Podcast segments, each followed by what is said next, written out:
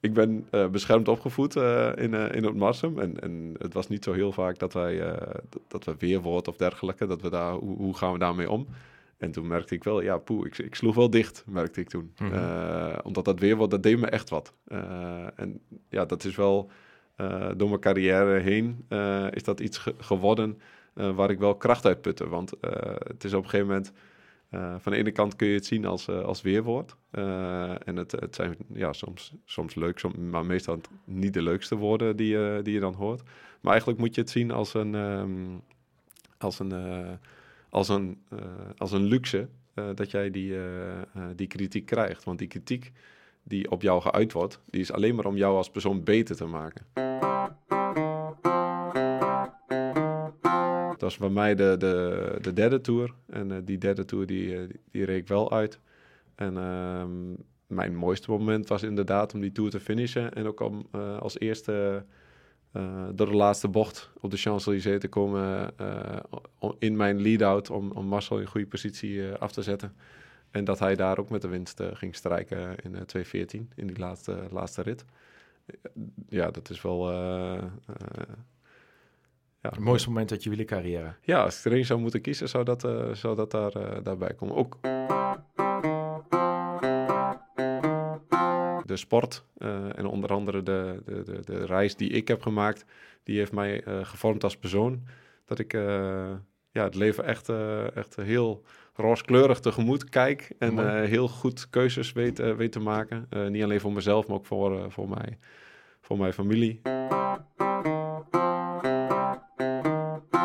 Mijn kinderen, leef. Leef. Ja, leef. Mooi. Uh, laat het tellen. Ja, leef. Laat het tellen. Dit is de uitspraak van de man die momenteel elke dag bij Radio 1 live verslag doet van de Tour de France. Urenlang spreekt hij tijdens de sportzomer iedere dag op de radio over zijn vak. En hij kan het natuurlijk weten. Zelf reed hij meervoudig de Tour de France. En hoe? Hij wordt nog steeds gezien als een van de allerbeste lead-outs ter wereld. Hij lanceerde Marcel Kittel meermaals in recordsnelheid naar de winst en de gele trui. Landelijke bekendheid kreeg hij bij het grote publiek door zijn keiharde valpartij tijdens de Tour de France met Mark Cavendish. Maar natuurlijk is deze uber sympathieke tukker veel meer dan dat. Op erg jonge leeftijd, van slechts 12 jaar, verbaasde hij zijn vader Fons. Door al op 50 km per uur te rijden over de Twentse Hooidijk. In eerste instantie geloofde zijn vader hem niet. Dus ging hij terug en hij liet het zien. Hij deed het nog een keer voor en zijn vader zag het live. 50 km per uur reed Tom op 12-jarige leeftijd. Niet alleen zijn vader Fons zag toen al dat hij een sterke renner kon worden. Hij ging er zelf ook in geloven. Hij won op jonge leeftijd al vele wedstrijden. En ook in grote internationale wedstrijden deed hij altijd voorin mee. Vele jaren later kon hij als beroepsrenner in de Tour de France zijn krachten maximaal tonen in de laatste kilometers door de sprint aan te trekken door maar liefst een halve minuut lang 1200 watt weg te trappen op zo'n 65 km per uur.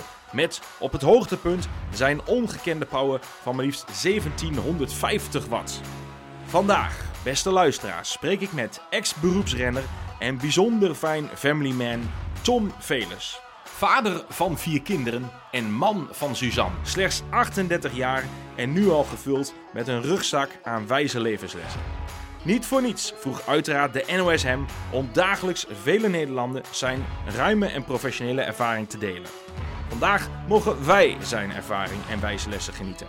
In deze podcast duiken wij samen in de wereld van de professionele wielersport en bovenal ook over zijn persoonlijke groei die hij uit zijn carrière haalde.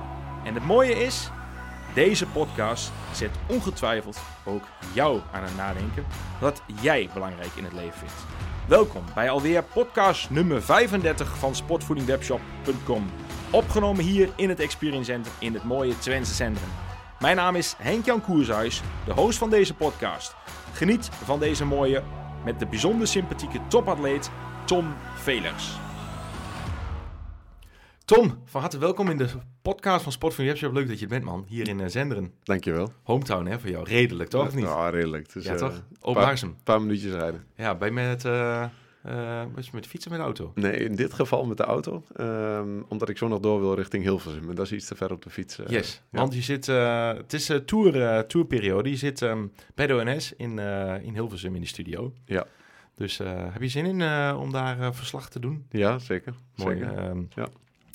Hey, uh, voordat we gaan beginnen, uh, je hebt, ik vroeg jou zojuist voordat de knop aanstond, uh, heb je eerder een podcast opgenomen? En zei je nee, nog nooit eerder, maar je zit wel vaak bij de. Um, wat verwacht je van de podcast?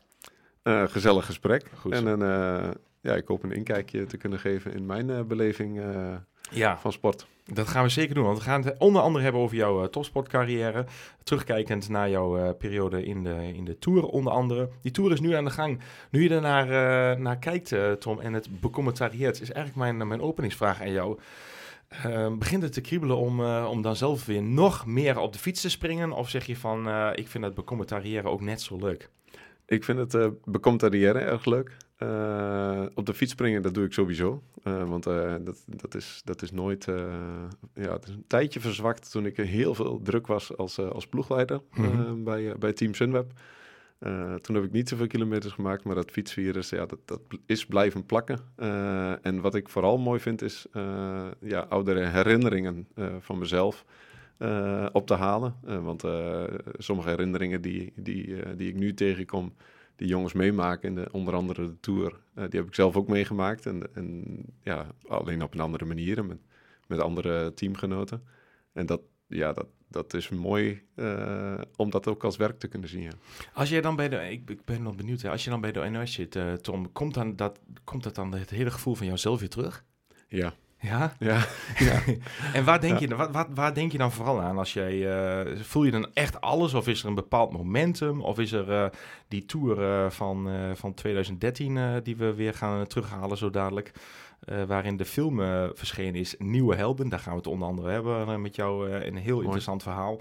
Wat verfilmd is. Jouw tijd dat je zeer succesvol reed in de Argos Shimano Uh, maar wat, wat, wat, komt dan specifiek terug als jij uh, straks uh, bij de NOS zit om, uh, om die tour te verslaan? Nou, wat ik zelf het mooist vond, waren natuurlijk de, de sprintritten. de sprintritten waar wij voor onder andere in de Tour van Marcel Kittel gingen, maar ook verder daarbuiten voor, voor John Degenkop.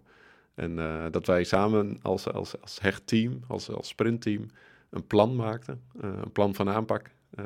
en dat eigenlijk ja, tot uitvoering proberen te brengen. En daarmee ja, geluk uh, gelukkig ook nog succesvol waren ook nog. Vind je dan, uh, vind je dan die sprintteams het leukste, of die sprintetappes het leukste om te verslaan? Of is het dan ook uh, omdat je zeg maar dat helemaal jouw specialiteit is en je daar echt alles over weet, en daar gaan we zo dadelijk uiteraard induiken. Is dat iets wat je dan meer naar uitkijkt als je bij de ONS zit dan bijvoorbeeld een, nee. een zware bergetappe? Nee, dat niet. echt, daar heb ik wel meer affectie met, mm -hmm. met sprint en dat ik er nog meer over weet dan bijvoorbeeld de bergetappes. Mm -hmm. Maar ik heb die bergetappes ook intens beleefd. Dat en, uh, dat, uh, ja. Kijk, een, een sprintetappe, daar weet je, alles moet, moet op dat finale eindschot. Maar die bergetappe, dan, dan, dan had je bewijzen van uh, drie calls waar je over moest.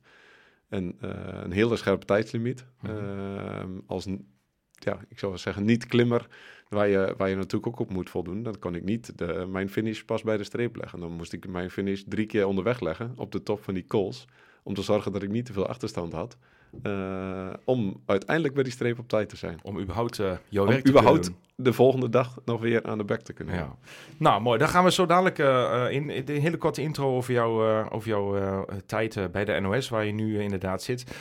voordat we daarin gaan duiken, we gaan we dus in de details duiken. erg mooi. Kunnen we veel van leren, denk ik. Ik ga graag eerst met je terug naar de start van Tom Velers. De jonge Tom Velers, die ja, ooit uh, uh, op de fiets is gestapt. En, maar voordat je op de fiets stapt, ging nog heel wat aan vooraf.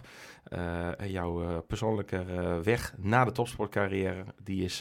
wanneer ben je gestart met fietsen? Die is gestart op jonge leeftijd. Nou, ik startte dus met voetbal, zoals de meeste jongens uit, uh, uit Massen bij KOS. En um, ja, van daaruit uh, uh, D1 kampioen gewo geworden. Ja. Met een heel mooi team. En ik denk, beter dan dit wordt het niet.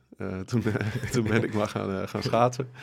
En vanuit het schaatsen, um, ja, dan breng je op een zomersport waar je fietsen, fietsen oppakt. En ja, dat ging meteen goed af eigenlijk. Mm -hmm. Ja, wat is er nou leuker als je ergens goed in bent? Uh, welke leeftijd praat je dan over, Tom? 12 jaar. Dat ik voor het eerst op eh, een fiets, eh voor het eerst op een op de racefiets fiets zat. gezet? Ja, mijn vader. Je pa? Mijn vader die fietst ook en die heeft ook vroeger, eh, vroeger gefietst. Mhm. Ook wedstrijden gereden, wilde koersen en ook bij de amateurs heeft hij, heeft hij gereden. Wel ehm, ja, op een gegeven moment gestopt vanwege werk en, wat rugklachten. En, maar ook gewoon een hele mooie, mooie tijd daaraan beleefd, als ik, als ik hem goed begrijp.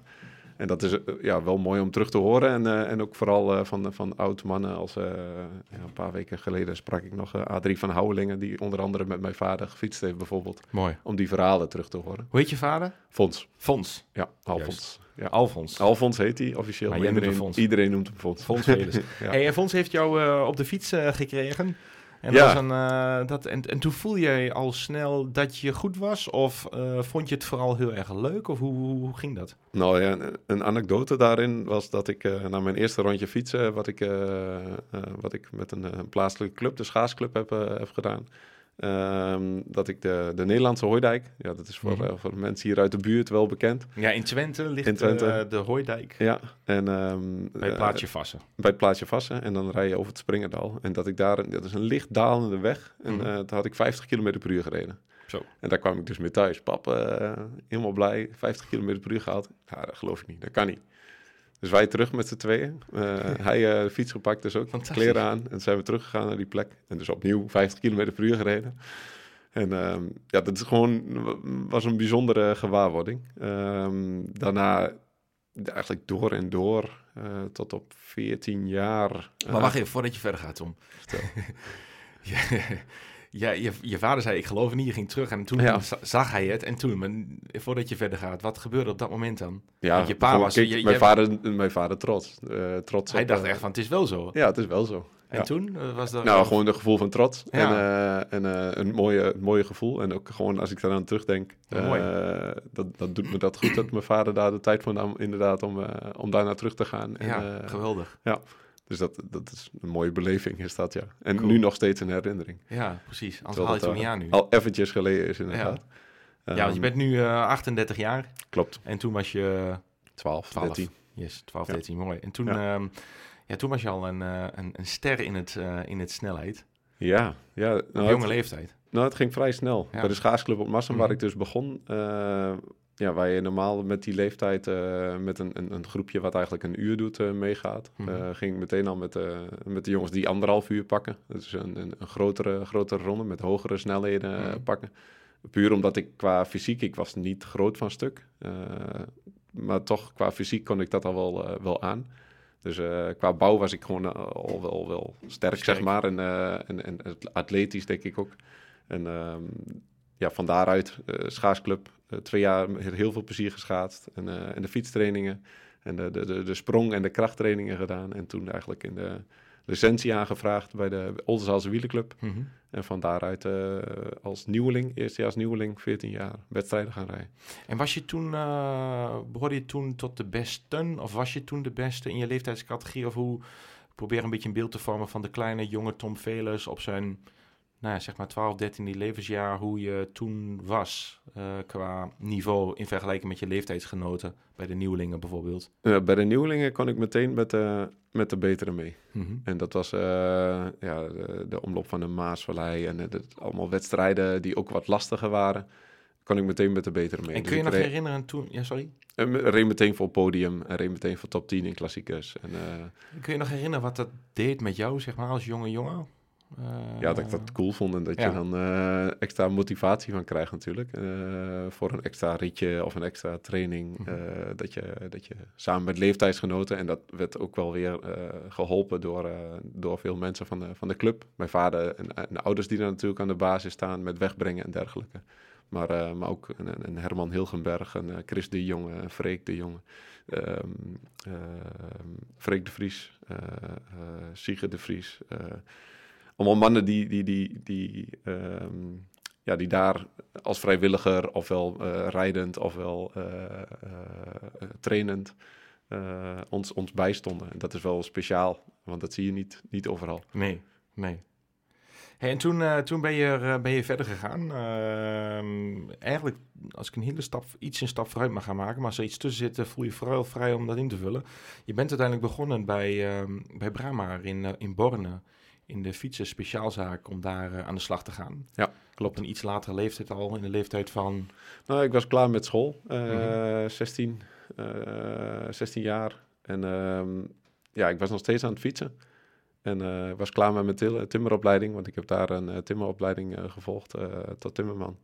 Eh, succesvol afgerond en toen ben ik ja, eh, op de bouw een tijdje, een tijdje beland. Natuurlijk sneuvelstage en daarna eh, Mhm. kon ik eh, op de bouw door.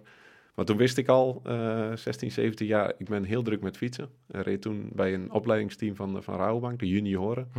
En eh, ja, daar was het echt wel eh, dat je veel wedstrijden en dergelijke reed. En daar kon niet, ehm, ook geen vier dagen als timmerman eh, bij. Dus toen ben ik gaan kijken eh, hoe ik het anders in kon vullen. En toen ben ik met, eh, met Henk, die, die kende ik, en eh, ook uit de fietswereld. Henk Brama, Henk de eigenaar Brama, van ja, de eigenaar Brama van de Brama in, eh, in Borne. En eh, met Henk in gesprek geweest. En Henk zegt, ja, maar wij kunnen wel iemand gebruiken. Dus met Henk overlegd om daar eh 20 uur eh, in de week te komen werken. Mhm. En dat ik daarnaast eigenlijk alle vrijheid kreeg om mijn trainingen, mijn wedstrijden en alles te, te kunnen doen. En dat, ehm, dat vijf jaar gecombineerd. En dat was, vond je het lastig, om, want je hebt de opleiding gedaan als timmerman, om dan het timmeren achter je te laten? Of zeg je van, het was juist ideaal omdat ik in die wielenwereld terecht kwam bij Henk? Het was ideaal omdat ik bij, eh, in de wielenwereld natuurlijk, en mijn eigen fiets, daar sleutel ik al wel aan. En, eh, en ook daar, daarnaast de opleiding eh, gedaan heb. Ehm, het timmermansvak heb ik dan wel niet ehm, em, beroepsmatig gedaan, maar altijd hobby aan gehad. Ja, voor mezelf allerlei dingen te creëren of te maken. Dus uh, die hobby die is nog steeds en, de, de, en zelfs beroep tegenwoordig. Maar ja, dat, dat, dat is gebleven. Uh, maar de, Dus je liefde voor timmeren is er nog. Alleen Ja, de ja. omstandigheden was destijds voor Ja, het fietsen gewoon niet. ideaal. ja, toen de Ja. tijd was het gewoon ideaal om, eh, om een fietsenmakersjob eh, te combineren. Mooi. En toen ben je bij, eh, bij Henk begonnen, 20 uur in de week. Daarnaast trainen, trainen, trainen. Ehm, ja, wat, wat was dat voor tijd, eh, Tom, dat je aan het trainen was? En was jij een eenling die vooral veel kilometers maakte? Of spra- sprak je af met één specifieke vriend of een fietsmaatje? Of zat je vooral in de groep te trainen? Of hoe, ehm, hoe heb jij je eigenlijk jouw jonge jaren eh, opgebouwd om sterker te worden? Mijn jonge jaren die heb ik vooral eh, opgebouwd eh, door s'avonds de trainingen te doen, omdat ik Mhm. overdag werkte en in de weekenden wedstrijden.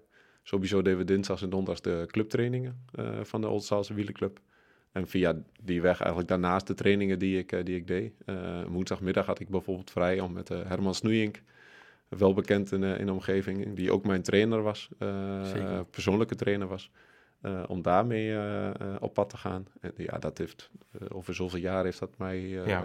heel erg versterkt. Waardoor ik wel stappen maakte. En ja, natuurlijk ga je categoriegewijs ga je ook ehm, naarmate je leeftijd vordert, word je nieuweling junior. Van Mhm. junior wat je, wat je belofte.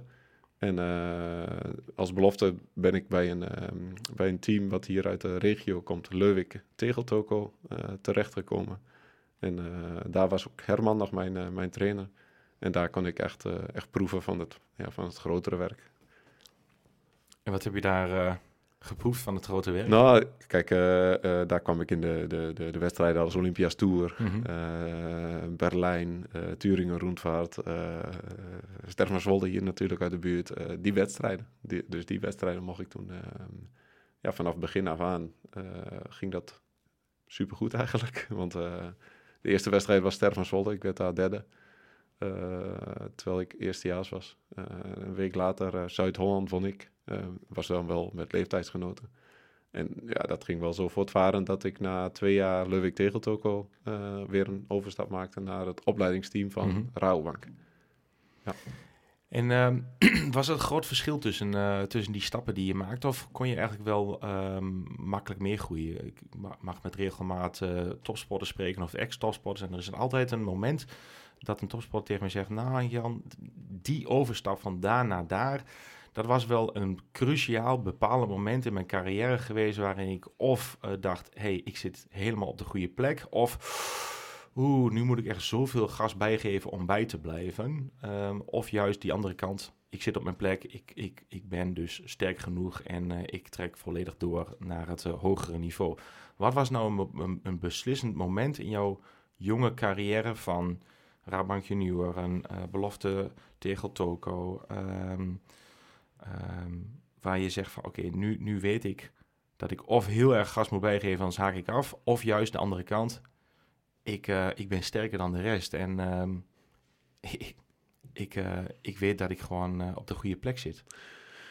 Eh, ja, de eerste jaren dus eh Leuwik Tegeltok en daarna eh, Team Rouwbank. Ja, maar toen maakte je die Ehm, overstap. Ja, toen maakte ik de overstap eigenlijk na twee jaar. en dan ben je, je bent twee, vier jaar totaal belofte. Dus ik, ik was nog twee jaar belofte. Ehm, voor mij was de leidraad als ik een, een, een wedstrijd op amateurniveau Mhm. naar mijn hand kan zetten. En dat wekelijks na wekelijks na wekelijks kon doen. En dat kon ik. Getuige Olympias Tour bijvoorbeeld die ik won, waar Mhm. ik drie ritten ook won. Eh Parijs-Roubaix die ik voor belofte won. Eh, zo meerdere, meerdere koersen. Eh, ik kon de wedstrijden echt naar mijn hand zetten. En naar mijn idee was dat toen het gevoel van ik ben profwaardig. Dat ben ik ook geworden uiteindelijk. En toen heb ik pas gedacht, ehm, want ik werd beroepsrenner bij Skill Shimano, onder leiding van, eh, van Ivan Spekenbrink. Mhm. Ik heb een gesprek gehad met Rudy Kemna, die uit Deurningen hier uit de, uit de buurt komt. En dat voelde ook al heel goed, want eh, ik weet nog dat ik, eh, volgens mij reed ik toen al bij Raobank, dat ik een keer door Rudy, eh, die toen beroeps was bij Bank Giro Loterij, gecontact werd.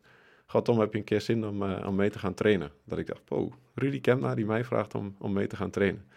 Ja, dat vond ik zelf al, al super, super gaaf om, om mee te maken. Dat een, een beroeps mij vraagt om, om mee te gaan trainen. En ook vaker mee geweest. En daar werd ik uiteindelijk beroeps. En ehm, Je bij Argo Shimano. nee, bij Skills Shimano was Oh, dat. sorry, ja, Skill Shimano. Dat ging nog Ja. voorafgaand aan Argo Shimano. Ja, Ja, ja, ja. ja. Dus Skills Shimano, dat, was, dat was mijn, eh, ehm, ja, mijn eerste beroepsjaar. En wat, wat je, ja, ik toch, toch even... ehm dat Twee- zeg, 2008 zit je dan. eh, 2008. Ja. En dat, was dat voor jou, zeg maar, dat waar ik net naar zocht, eigenlijk, dat beslissende moment, dat cruciale moment in je carrière, dat je Ja. echt dacht, dat je toen... was dat het moment dat je gevraagd werd door, eh, door Rudy, dat je zei van, ga met mij mee trainen? ja, dat Was, was, dat een, was dat een dat Nee, je dacht, dat- wow, de, de, ik word gevraagd door een prof om mee te trainen met de profs?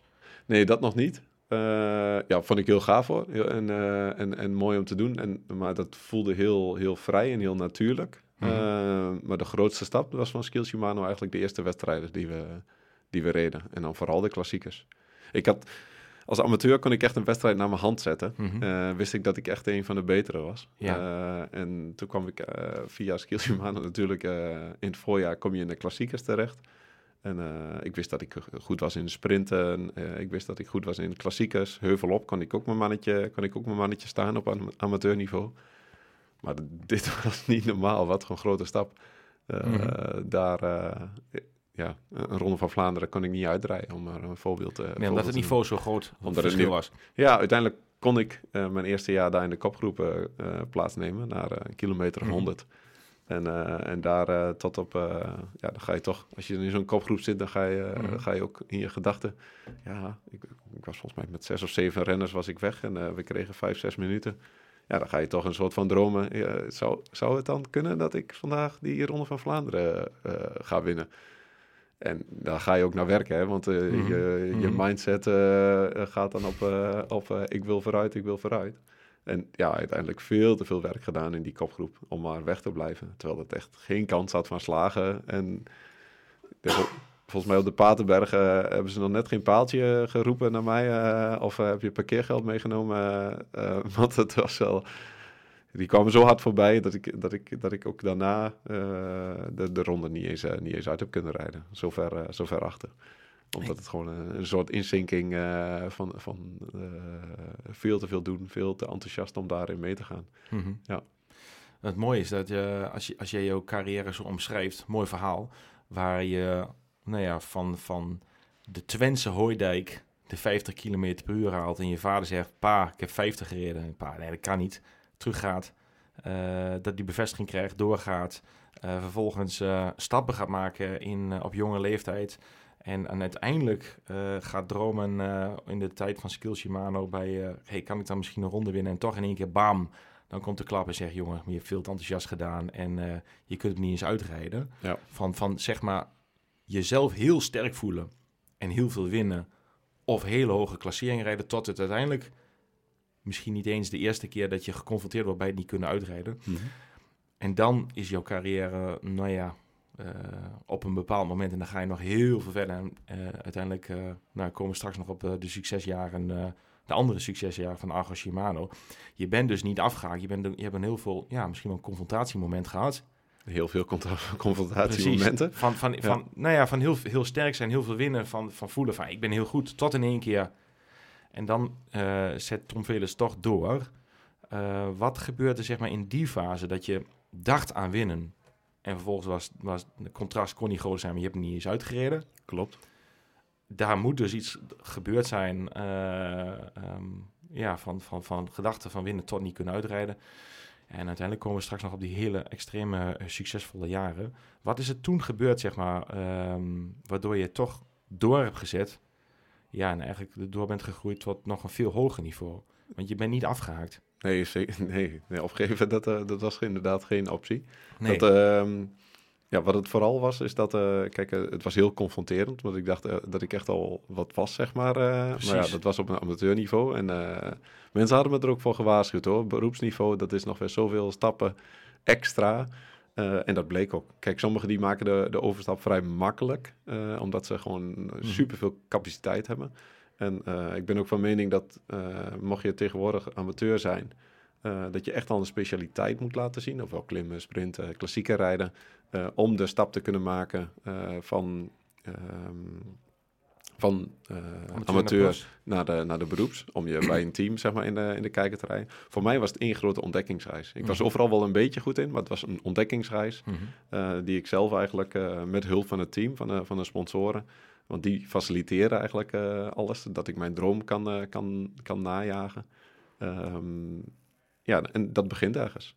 En op een gegeven moment kom je erachter, nou oké, die klassiekers, eh, sprints, eh, bergop, zet het eens op een rijtje. En eh toenmalig Rudy Kemna, wat daar, en Iwan Spekenbrink, die daar natuurlijk super Mhm. druk mee waren. Iwan zijn vrouw ook, Marloes Poelman, om, om niet te vergeten. Ehm, eh, ja, die waren daar super druk mee om, om ons in zo'n goed mogelijke manier eh, in te zetten en neer te zetten. Eh, en eigenlijk samen ook eh, te groeien. En wat daar ja, vanaf begin af aan was, was antidoping. Dat was onze, onze enigste punt binnen het team. En het team dat besloeg ja, 30 personen, 15 renners en eh 15, 15 eh, personeelsleden.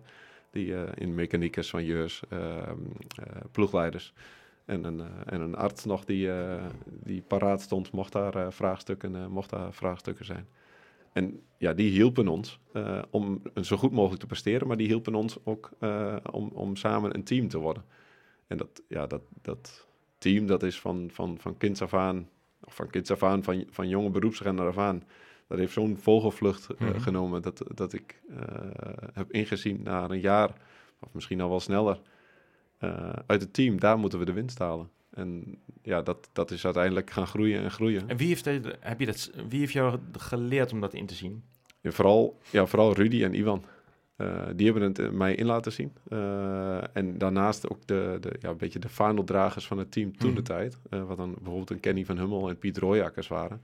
Die jongens, ehm, eh, kijk wat ik bij Rabobank vooral had, is dat ik wou beroeps worden. Dus dat klinkt misschien gek, maar ehm, ik wou daarbij geen zwaktes tonen. Omdat ik wist, Mhm. wist in, mijn, in mijn hoofd had ingeprent, als ik zwaktes toon, dan laten ze mij om die reden bijvoorbeeld geen beroepsrenner worden. Ehm, En- terwijl ik juist... Had mijn- je daar voorbeelden van gezien? Nee, maar dat is gewoon... Zat in je hoofd? Zat in mijn hoofd. Het zat echt in mijn hoofd. En dat was ook misschien met opvoeding eh, dat, ik, eh, dat ik dat niet... eh, want mijn ouders die, ja, die zullen ook niet snel vragen stellen. Die zullen ja, werken, zul je ervoor. dat, Mhm. de vuur. ja, kopteveur. En dat, eh, ja, dat is een, soort perceptie dat ik me, mezelf heb opgevat, dat, eh, dat ik die zwaktes niet wou tonen. Terwijl juist als je die zwaktes toont, als je je kwetsbaar opstelt, eh, geholpen kunt worden. En dat heb ik op een gegeven moment durven doen bij, bij Skills Shimano. En Iwan en Rudy hebben je daarmee geholpen. Ja, maar ook mijn ploeggenoten. Kijk, eh, ja, wat je zei, Kenny van hun ja, Kenny van Hummel, eh, Piet Royakkers, eh, Mhm. Albert Timmer. Kijk, die jongens was ook, om een voorbeeld te noemen, die, die, die, die Ronde van Vlaanderen, die ik dus niet uitreed, maar wel na 100 kilometer in de, in de kopgroep zat. Toen was ik, uiteindelijk, ik reed hem dan niet uit, maar ik was wel trots op mezelf, want ons devies was om in die kopgroep te zitten. Ehm, maar het was wel zo na de tijd dat ik wel, een, ondanks dat ik er niet uitreed, dat ik een trots gevoel had. Want ik zat in die kopgroep. Ik, wa- we hadden ons getoond, we hadden ons laten zien.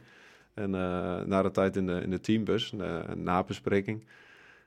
En toen kreeg ik echt de wind van voren, van heb ik jou daar. En dat had ik bij nog nooit meegemaakt. En vanwege? Vanwege het feit dat ik de eerste 100 kilometer alleen maar aan het Ah, ja. loeren, was geweest op een ontsnapping.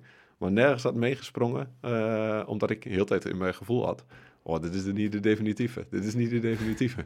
en niet mijn teamgenoot had half gestaan eh, in die hele zoektocht naar die, eh, naar die kopgroep. Mhm. Maar alleen maar eh, in eigen belang had gedacht... ja, het enige divisie is mee, mee zit in die kopgroep. Wat uiteindelijk lukte. Maar het was natuurlijk niet de manier waarop. dus, en ik was natuurlijk ook... Of natuurlijk... Ik ben beschermd opgevoed in, eh in het Marsum. En, en het was niet zo heel vaak dat wij... dat- dat we weerwoord of dergelijke... dat we daar... Hoe, hoe gaan we daarmee om? En toen merkte ik wel... Ja, poeh, ik, ik sloeg wel dicht, merkte ik toen. Mhm. Eh, omdat dat weerwoord, dat deed me echt wat. Eh, en ja, dat is wel... eh, door mijn carrière heen is dat iets ge- geworden waar ik wel kracht uit putte. Want het is op een gegeven moment... van de ene kant kun je het zien als, als weerwoord. En het, het zijn ja, soms, soms leuk, maar meestal niet de leukste woorden die, je die je dan hoort. Maar eigenlijk moet je het zien als een, ehm, als een, als een, eh, als een luxe eh, dat jij die, eh, die kritiek krijgt. Want die kritiek die op jou geuit wordt, die is alleen maar om jou als persoon beter te maken.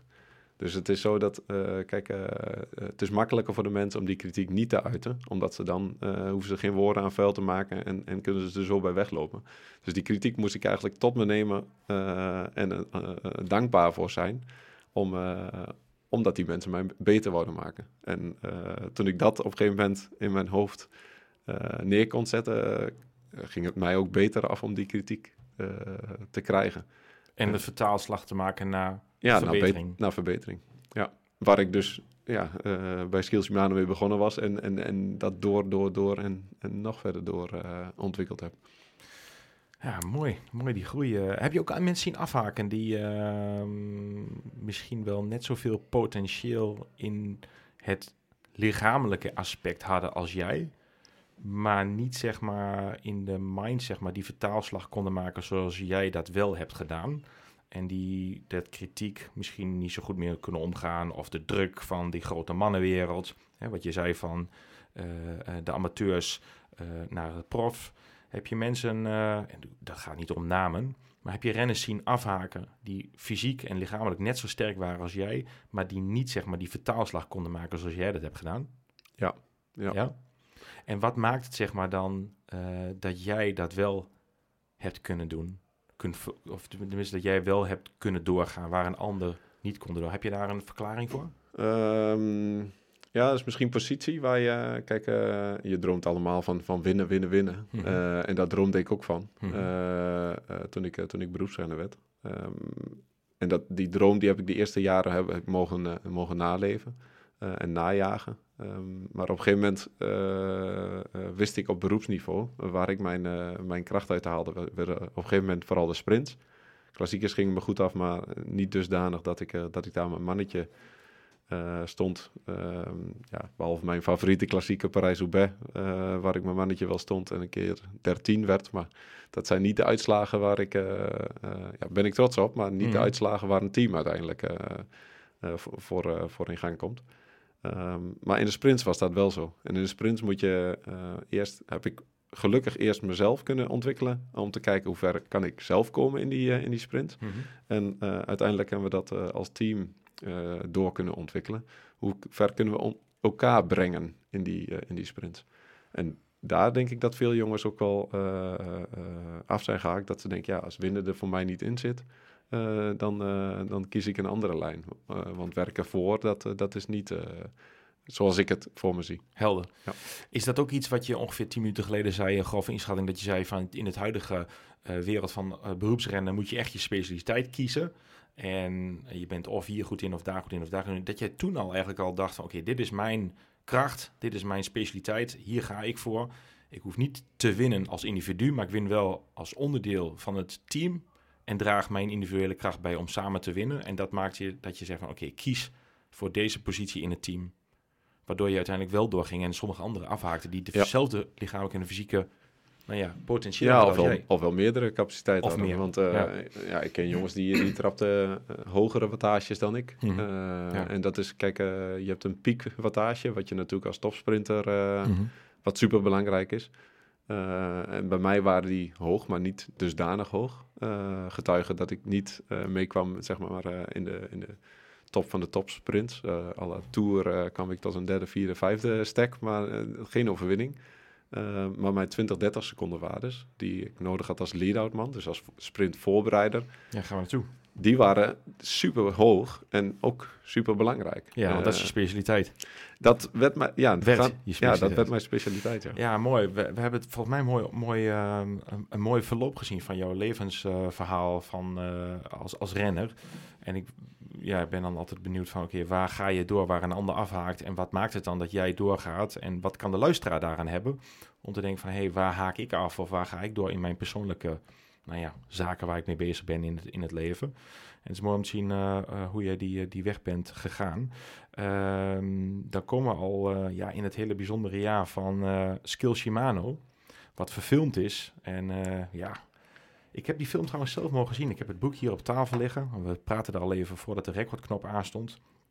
En het eh, boek heet eh, Nieuwe Helden. Eh, verfilmd, in de bioscopen gezien. Ehm, ja, prachtig verhaal. Dat gestart is in de honderdste Tour de France. Afgetrapt in Corsica. Met jouw ploeggenoten, waaronder andere John Degenkolb, Marcel Kittel, waar jij het werk voor onder andere hebt gedaan. En eh, die tour ging van start op Corsica ehm, met, een, eh, met een bijzondere start. Ja, een hele bijzondere sprint, ja. En voorafgaand trouwens aan eh, Corsica, want de Tour 213 praten we nu over, maar de Tour 212 zijn we in Luik gestart. Was het een gek huis. Je kon totaal niet uit of je, je stond in de rij voor, voor handtekeningenjagers en eh, er was heel veel drukte. In Corsica zaten wij afgelegen, zaten we in een, eh, in een hotelletje en eh, konden we s morgens, middags, 's avonds buiten eten vanwege het goede weer. En eh, was wat dat betreft, een, ja, het voelde bijna als vakantie fietsvakantie. Weliswaar niet in Frankrijk, maar op Corsica. En ehm, ja, we hadden 2012 was al een, was al een goed jaar. Ehm, helaas verloren wel na, eh, na vijf etappes onze sprinter, Marcel Kittel. Waardoor ik zelf eh, aan het sprinten ben eh, geslagen en daardoor wat korte klasseringen heb kunnen, kunnen rijden. En eh, die tour van, van 2013, eh, die dus werd verfilmd in een voorstadium al, de, de trainingen. En ehm, ja, die startte met een, met, een, met een sprintrit. En dat was meteen een, een, een, ja, een gigantische kans voor ons om, om die sprintrit te winnen. En dat, ja... De beslissingen die we daar hebben gemaakt en hoe, eh, hoe die sprintrit is gelopen. ja, Kijk, normaal tel je, tel je af, zeg maar. eh, je, bent, was toen de tijd nog met negen renners in de, in de Tour. Eh, tegenwoordig is dat acht geworden. En we, we zijn daar gestart met de gedachte, we gaan voor, voor Marcel. Ik ben de laatste man, Koen de Kort, John Degenkolb. Die, zitten, die zitten voor mij. Maar het was op een gegeven moment tijdens de koers, je, je kent het wel, een kopgroep weg, controleren. en op een gegeven moment komt die kopgroep komt terug. Heel veel stress in het peloton. Dat is de, eh, in de Tour is dat, is dat vele malen hoger dan veel andere wedstrijden. Op een gegeven moment de beslissing gemaakt. Marcel, je moet verder naar voren. Want eh, als jij helemaal achterin die trein van 9 zet, dan zit je pas op 40ste, 50ste positie. In plaats van dat jij, eh, als dan iets overkomt. Ja, die beslissing, ik denk op 4, 5 kilometer van de, van de meet gemaakt. En hij zit, nou ja, pakweg een kilometer van voren. En er komt toch een valpartij van, heb ik jou daar? En Marcel en ik zitten ervoor. En eh, de meeste lead-out mannen eh, van ons, die zitten erachter. Eh, dus ja, ons gebruikelijke treintje qua lead-out, die komt meteen de prullenbak in. Maar gelukkig wisten wij heel goed hoe we ja, konden omdenken en konden omschakelen. Ik had toen al wel zoveel zelfvertrouwen opgedaan in de jaren daarvoor. Mhm. Dat ik tijdens die finale ook Marcel zei, kom bij mijn wiel en laat niet meer gaan. Eh, dus die heeft de laatste kilometers echt eh, in mijn wiel gehangen. eh, met het vertrouwen wat hij in mij moest hebben dat ik hem daar zou brengen. De lead-out kwam in dit geval niet meer van, van Koen de Kort, John Degenkolb. Maar die kwam van Simon Geske en, en Tom Dumoulin, die ook bij ons in het team reden. Ja. Die eerder in, eigenlijk in een voorstadium, vele kilometers voor de meet, pas, pas moeten rijden. En uiteindelijk kon ik dus als laatste, als laatste man, kon ik hem heel goed afzetten op een meter of 3,500. En pakte die overwinning. En eh, ja, goed, als je de eerste rit wint, dan pak je uiteraard geel-groen uh, erbij als bijvangst. En dat is wel iets ultiems. Dat is, dat is ja, eigenlijk uh, een van de mooiste momenten wat, wat ik uit mijn wielercarrière heb mee mogen maken. Ja, een van de mooiste. Daar komen we straks nog later op, maar daar gaan we straks naartoe. Wat dan misschien het mooiste moment in je wielercarrière was, houden we die nog even vast. ja, geel pakte je toen als ploeg zijnde. Ehm, ja, daar moeten we eens op inzoomen, want niet elke luisteraar kent de lead-out. Um, um, jij gaf al aan, ik heb uh, Marcel ongeveer 300 meter voor de finish afgezet. Ja. Gelanceerd, als het ware. Ja. Uh, wat als je niet in de wielerspot zit, dan is het voor uh, iemand die niet zoveel achtergrond heeft in de wielerwereld bijna niet te begrijpen. Dus maar ga jij daar graag uitleg aan geven. Dat degene die wint, ongelooflijk veel moeite moet doen om jou, zeg maar, uh, nou ja, om, om in je wiel te blijven. Om vervolgens nog dat extra stapje te maken. Want jij draait, uh, nou, dat laatste deel, de lead-out, maar ga dat graag AUB zelf uitleggen. Een ongekend hoog tempo en vermogen.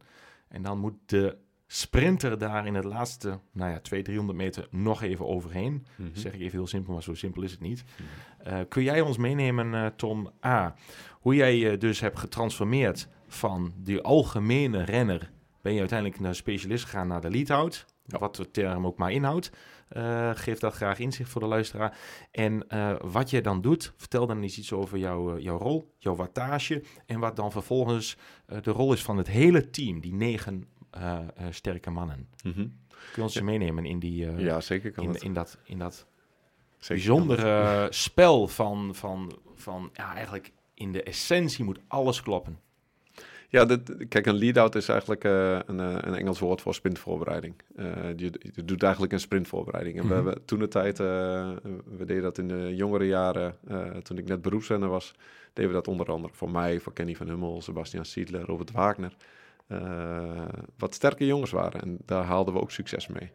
Maar als jij nog sterkere sprinters hebt, en die konden we op een gegeven moment binnenhalen met John Degenkolb en Marcel Kittel. Uh, Luca Mesketch ook bij ons gereden, uh, onder andere, die nu nog sprint voorbereidt voor, voor uh, Groenewegen. Is het eigenlijk dat de, die kon het afmaken. Mm -hmm. En ehm, als we die in positie konden krijgen ehm, op, op 200 meter te, te gaan, konden we die zo goed mogelijk, goed, ja, zo goed mogelijk, met zo hoog mogelijke snelheid daar, daarin oh. krijgen. Maar je gaat het treintje van, van, van 9 pakweg, ga je even, even af je gaat kijken waar de capaciteit is. Mm -hmm. uh, welke capaciteit uh, bepaalde jongens hebben qua uh, absoluut vermogen. Kijk, um, om terug te rekenen, kijk, Marcel Kittel is onze sprinter, kopman. Ja, die trapte met zijn 90 kilo trapte die 2000 watt piekvermogen. En die kon ook gerust 1800 watt op, op, op 10 seconden trappen. En daarmee kon die sprints winnen. mijn absoluut vermogen staat op 17,500. Uh, maar waar mijn capaciteit uh, vooral lag, was op 20, 30 seconden 1200 watt gemiddeld rijden. En uh, dat is, ja, weinig renners is dat, is dat gegeven. Hoeveel seconden zei je? 20 à 30 seconden, 1200 watt. En dat is weinig renners is dat, is dat gegeven om, om die, die waardes te halen. Dus daar kwam mijn plekje eigenlijk als tweede. dus als eerste man voor, voor Marcel. Ja, dus de, zeg maar de laatste man in koers, of sorry, de laatste man, ik weet niet of ik het goed zeg, Tom, uh, verbeter me gerust hoor. Laatste man in koers voor, uh, ja. voor de, zeg maar de, de finale sprinter. Ja. Marcel Kittel in dit geval. Ja. Juist. Kijk, en daarvoor kwam, kwam Koen de Kort, die een, ook een heel hoog absoluut vermogen heeft, maar weer lager dan het mijne. En die ook vooral de, ehm, de heuvels wat beter kon verteren. Mm -hmm. En ja, John Dane komt, kijk, het werd ook wel eens een stuivertje wisselen. Hè? Kijk, want ik heb ook niet elke etappe of elke koers uh, de frisse benen of de, de, ja, de het sterke, het sterke ja. gevoel. Dus we wisselden ook wel eens. Dat Koen de Kort bijvoorbeeld de laatste man was of John Degenkolb de laatste man. Dat, dat, ja, dat, dat wisselde soms. Maar dat ging gewoon in communicatie en, en ook wel het gevoel dat je, uh, je moet niet te trots zijn om te durven wisselen. Want mm -hmm. uh, sommigen die willen ook per se die laatste man zijn om maar in beeld te, te komen van ik zit daar. maar mijn gevoel was altijd geweest, we doen het als team. en uiteindelijk telt hoe we hem het, het best af kunnen zetten. Ja. En niet hoe ik mij individueel daar, daar, daarin moet, moet scharen. Welke positie daar precies aan telt. Maar dat kenmerkt jou ook als teamplayer? ja, dat denk ik wel, ja. ja. Kijk, en als je dan het treintje verder teruggaat, want je kunt niet met te veel renners in die finale zitten. Dat is mhm. gewoon geen plek voor, omdat er nog twintig andere teams zijn die ook een sprintvoorbereiding willen doen. Of een, een kopman die hoog in het klassement staat, van voren willen houden. Dus vier, vijf man is wel, is wel de max. Daar is Roy Curvers bijvoorbeeld en, en Albert Timmer, die, die in het voorstadium kwamen, heel belangrijke factor in geweest. Want die, die konden misschien niet qua sprintvermogen, maar die konden wel heel lang, echt minutenlang een hoog wattage. En die wisten ook precies ehm, welke kant je dan het beste kon zitten. Ofwel links of rechts of in het peloton. Dat het voor ons heel goed was en heel eigenlijk relaxed was om, om hun te volgen. Dus zij lezen vooral goed het laatste deel van de etappe. Ja, ja. En, daarnaast kunnen ze een heel lange tijd een bijzonder hoog tempo rijden. Ja, ja. een bijzonder hoog tempo. nou, Kun je iets inzage geven in hoe hard het dan gaat in, in snelheid? Nou, het, uh, Afhankelijk natuurlijk van het parcours. Maar... De snelheid is natuurlijk is, is heel lastig, maar wat, wat wel een, eh, een, een, eh, een dingetje is, is een, een Albert Timmer bijvoorbeeld. Uh, die trapte praktisch dezelfde waardes als een Tom Dumoulin deed op, uh, op tijdritten. Echter kon hij niet zo aero zitten als, als Tom, oh. met, mm, qua, qua lichaam en mm. qua, qua houding. Maar dus ca capaciteit gigantisch. gigantisch. En voor, toch en, voor de mensen die niet aan fietsen, die niet, überhaupt niet fietsen, maar wel hier naar luisteren naar deze podcast. Dat zijn voetballers, tennissers, nou ja, eigenlijk allerlei uh, type luisteraars hebben we. Je zegt van ik vind het lastig om een inschatting te maken van de snelheid. Maar toen komt niet zo heel nauw. Een klein beetje oh, nee, 60, in de... Kijk, mijn lead-out is uh, tussen de 60 65. Vlakke weg en windstil. Ja. Uh, waar ik de renners, bijvoorbeeld de Marcel Kittel om een voorbeeld te noemen, die zet ik daarop af. En Marcel die trekt dat tot, tot over de 70 soms door. Ja. ja. Dus die, die hoge snelheid is inderdaad die 20, 30 seconden. Dat ik probeer om hem uh, tot op 200 meter, soms 250. Het is ook maar net ja, hoe, hoeveel, ja, maar ja, of je wind achter hebt of je wind voor Precies. hebt. Of, uh, maar dan praat, hebben we een beetje een beeld bij, bij de snelheden. 60 en 50 en dat wordt nog doorgetrokken naar 70 plus. Ja, Juist. En die, die, die interval van mij is dus 20, 30 seconden dat ik die lead-out doe. En voor een sprinter is het globaal, ja, ga maar eens voor de tv zitten en kijk maar eens een sprint. Dat is rond de 10 seconden. Ja. 10, 10, 12 seconden. En dan is het ook helemaal veel, Nou ja, veel meer nee. niet, want dan weet je gewoon, en dan hebben anderen er te veel voordeel bij en dan, dan vlak je ietsjes, ietsjes af. Ja, dan zak je eigen tempo terug of je iemand anders kan er nog overheen. Ja, ja. Yes. ja. ja 10 is echt, uh, nou ja, laten we zeggen de 100 meter sprint. Ja, voor... Uh, voor, uh, nee, voor hardlopen, zeg ja, voor spreken. Ja, dan weet je ook van, oh, je kan dat, dat tempo ja. ook niet langer volhouden. Dan, doe jij die in, 100, in nee, nee, 10 seconden dan? nee, ik niet. nee, ik niet. Maar als ik kijk naar televisie, dus... ja, goed zo. Dan, dan doe ik dat... nee, zeker niet. Maar kun je... Kun je, je, je, hebt, je, je gaf zojuist, iets eerder gaf je al aan dat jij een... Um, uh, jouw, jouw, jouw piek uh, wattage ton, dat ligt op uh, ongeveer 1750 wattage. Marcel Kittel 2000 zit een 250 verschil in. Wat is dat in, in, um, in, in werkelijkheid voor de luisteraar? Je praat over wattage en de wielrenners die, die schrikken zich nu, die denken, wow, wat een power hebben die gasten. maar voor de, niet, voor, de, voor de niet-kenners onder ons, 1750 versus 2000 dat is net het verschil tussen jou en Marcel op de, op de piekmomenten. Wat is dat in snelheid? Is dat die zeg maar die 65 door naar 70 plus? Ja. Yes. Ja. ja. En jij bent daar dan heel goed in om die, die 20, 30 seconden lang dat vol te houden op die 1200 watt. Ja.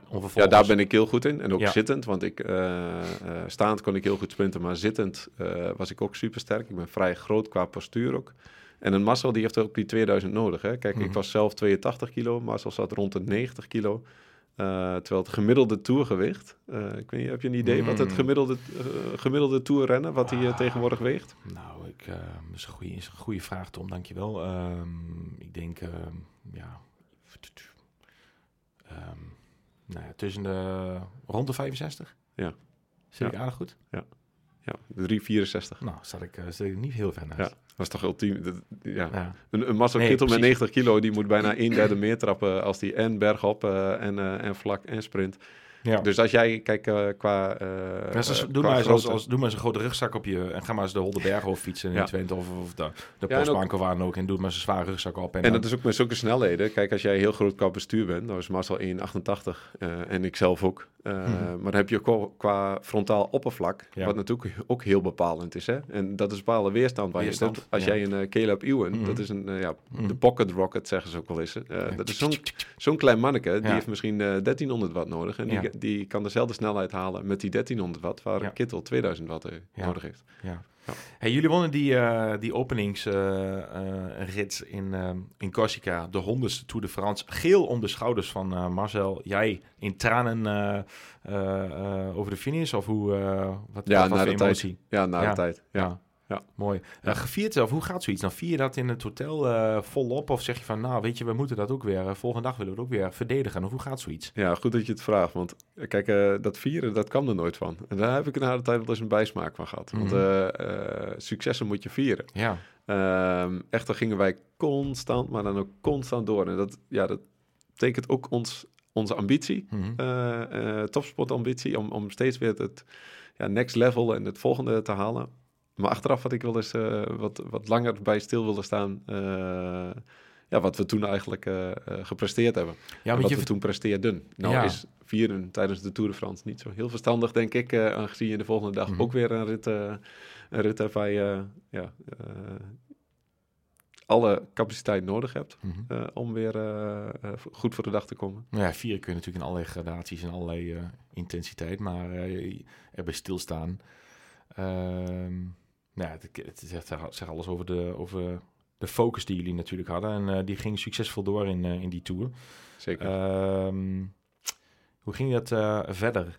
Die- nou, we- uiteindelijk die Tour wonnen wij, in totaliteit wonnen wij vier etappes. 1, 10, 12 en 21. Ehm, echter ging etappe 10 ging het voor mij even mis. Ja. Een behoorlijke smakker. eh, ja, ik dacht, eh, moet ik dat nog vragen? Of zeg je van, ik heb Nou, vraag zo vaak gehad. Ik eh, denk, ik, ik denk, ik benoem hem zelf wel, voordat jij je beschaamd voelt om daarna te vragen. Nou ja, ik, weet je, ik probeer altijd iets te zoeken in de podcast wat de luisteraar nog niet heeft gehoord. Of een verhaal waarvan ik denk van waarom is die Tom Velers nou zo goed? En wat, wat zegt dat over hem en wat kan ik er zelf van leren? En eh, dat vind ik altijd wel eh, interessant. En het verhaal van, eh, van jou en Mark Cavendish, ja, dat, dat dacht ik van, ik moet, moet ik dat vragen? Of, maar je hebt, haalt het zelf aan, dus dat gaan we doen. Voor, degene, voor de luisteraar die het nog niet, niet die verhaal niet kent, dus de niet-fietsers, alle fietsers kennen het wel, maar de, de, de, de niet-luisteraars, ehm, of sorry, de niet-fietsers. Het verhaal van jou en Mark Cavendish, een grootheid met 34 eh, Tour de France overwinningen, even, op even grote hoogte als Eddy Merckx. Ja. Dit jaar helaas eh, had eh, ten val gekomen eh, en heeft hij niet zijn 35ste kunnen halen. Maar even terug naar jou en, en Mark destijds. 213, 213. inderdaad. Etappe 10 was eh Saint-Malo ehm, aankomst. En ik heb mijn lead-out daar gedaan voor, voor Marcel. Eh, Lotto had ook een goede lead-out daar.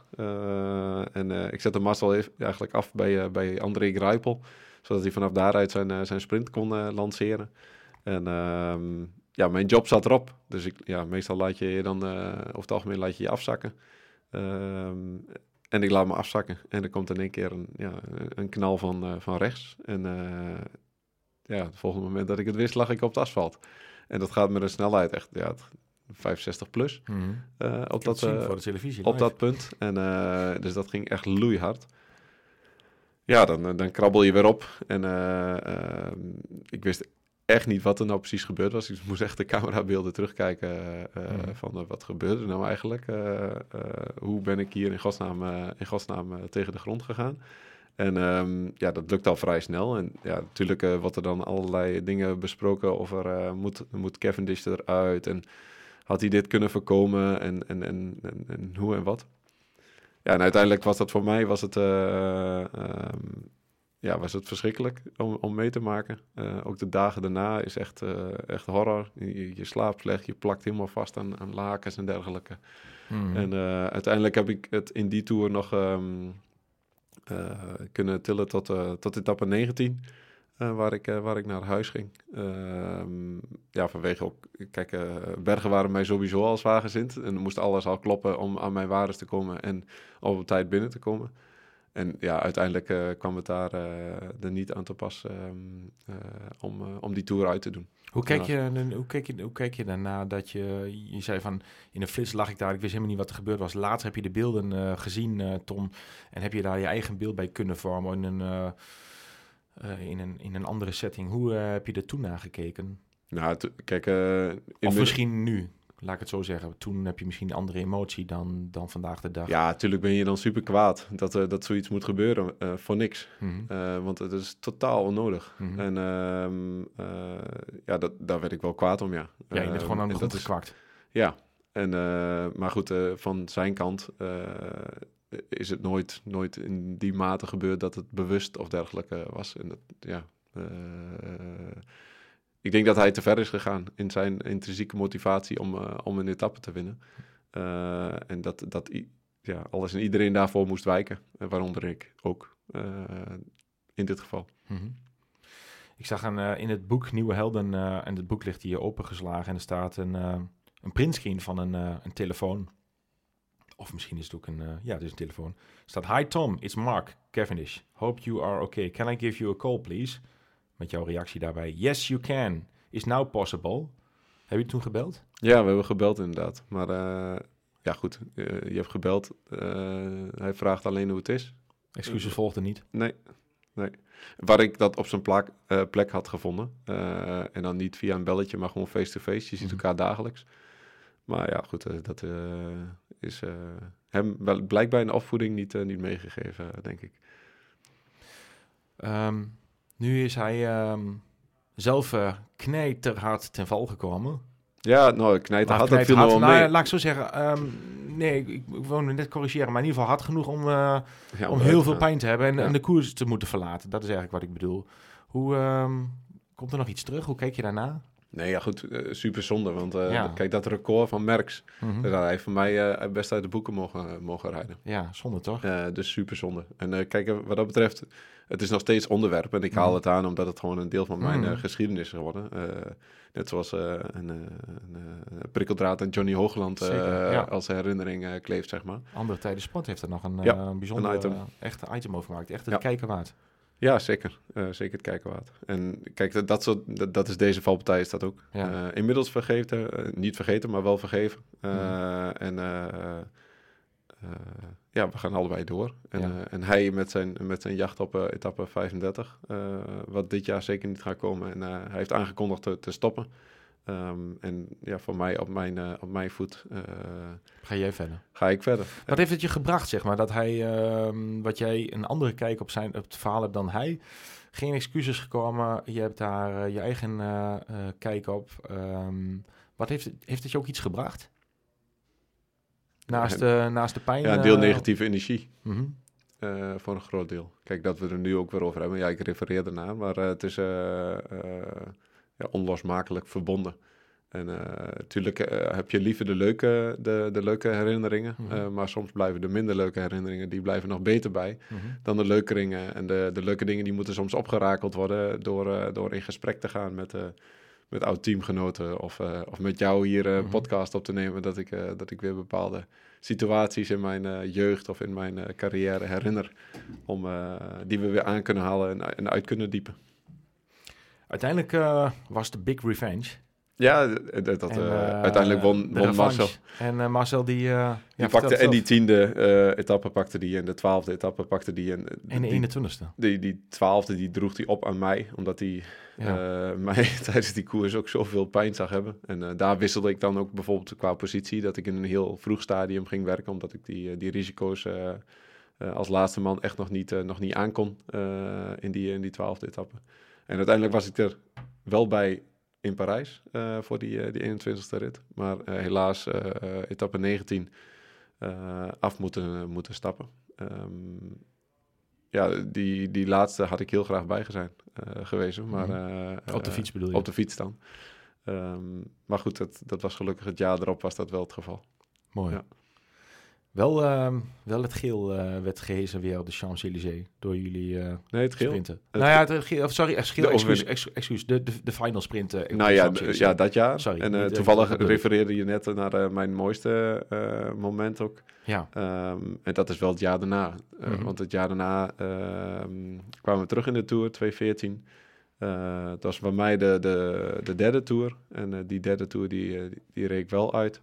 En ehm, mijn mooiste moment was inderdaad om die Tour te finishen. En ook om eh, als eerste eh, door de laatste bocht op de Champs-Élysées te komen eh, in mijn lead-out om, om Marcel in goede positie af te zetten. En dat hij daar ook met de winst ging strijken in eh 2014, in die laatste, laatste rit. Ja, dat is wel...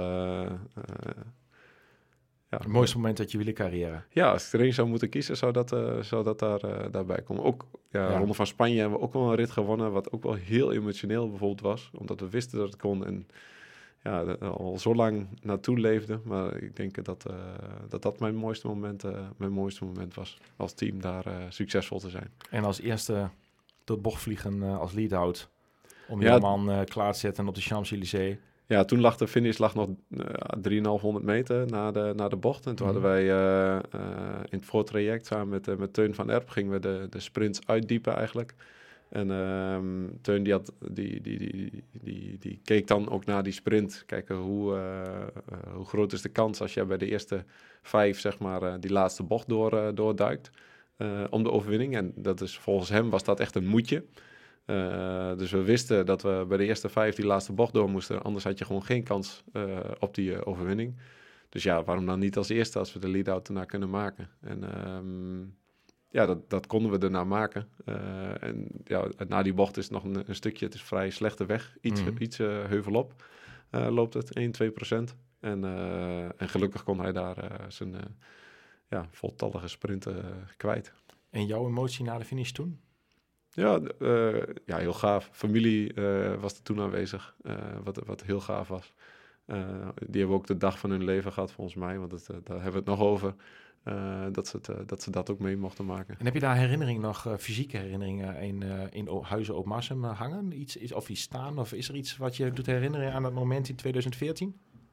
2014 niet, maar 13, hebben we, Of 13? ehm, 13 wel. Eh 13 hebben we eh, eh, toevallig, of toevallig, heeft Marcel een, een, een fiets na, de, na die tour, heeft hij een fiets laten ontwerpen die helemaal custom gespoten is. En die hebben dus negen renners, want de namen van de renners die staan dan ook op de, op de bovenbuis. En die hangt bij ons in de, in de woonkamer. Cool. dus niet zoveel mensen gegeven om een fiets in de woonkamer te hangen, denk ik. Maar Je mag het. mijn vrouw die vergeeft me dat. Ja, nou, prachtig. Hey, ja, je had, ehm, ja, voordat de recordknop aanstond, zei je, hebt, ehm, eh, zei je tegen mij van, eh, ehm, nou, we hebben het boekje op tafel liggen van de Nieuwe Helden en zei ja, ik, ik heb het toevallig eh, pas geleden nog gezien, samen met mijn kinderen en mijn vrouw Suzanne.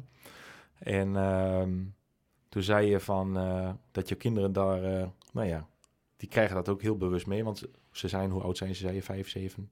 Ja, eh, Je hebt vier eh, kids. vier, vier, vijf, zeven en acht zijn ze. 4, 5, 7 en 8. Gezegend man.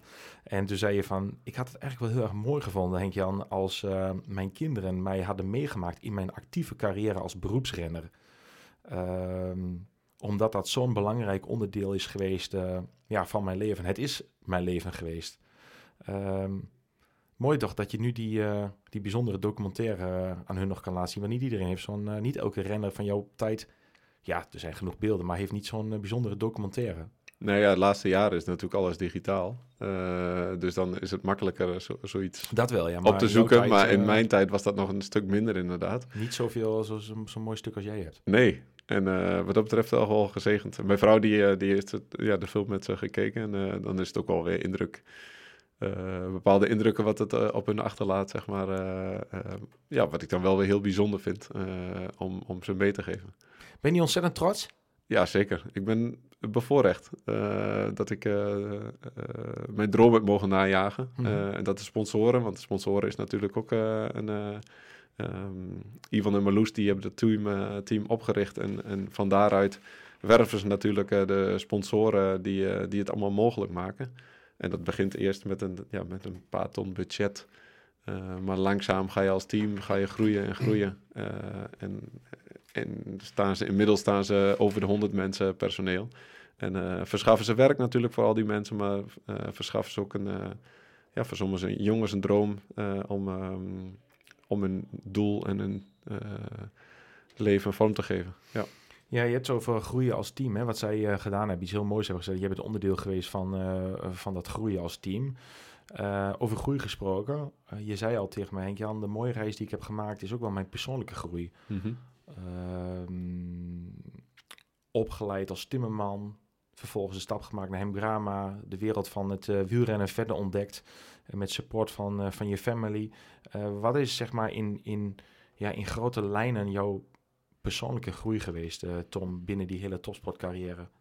Persoonlijke groei um, is vooral dat ik uh, door eigenlijk een droom te hebben uh, nagejaagd, dat ja, alle facetten wat daarbij komen, dus emotioneel en, en, sportief en fysiek en, en een bepaalde samenloop van, daarvan, dat je op een gegeven moment over bepaalde grenzen gaat.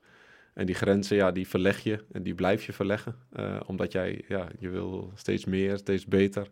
En uiteindelijk ja, kom je op een bepaald punt dat je, uh, ja, dan maak je stappen. Uh, dan maak je stappen eh, in, in persoonlijkheid.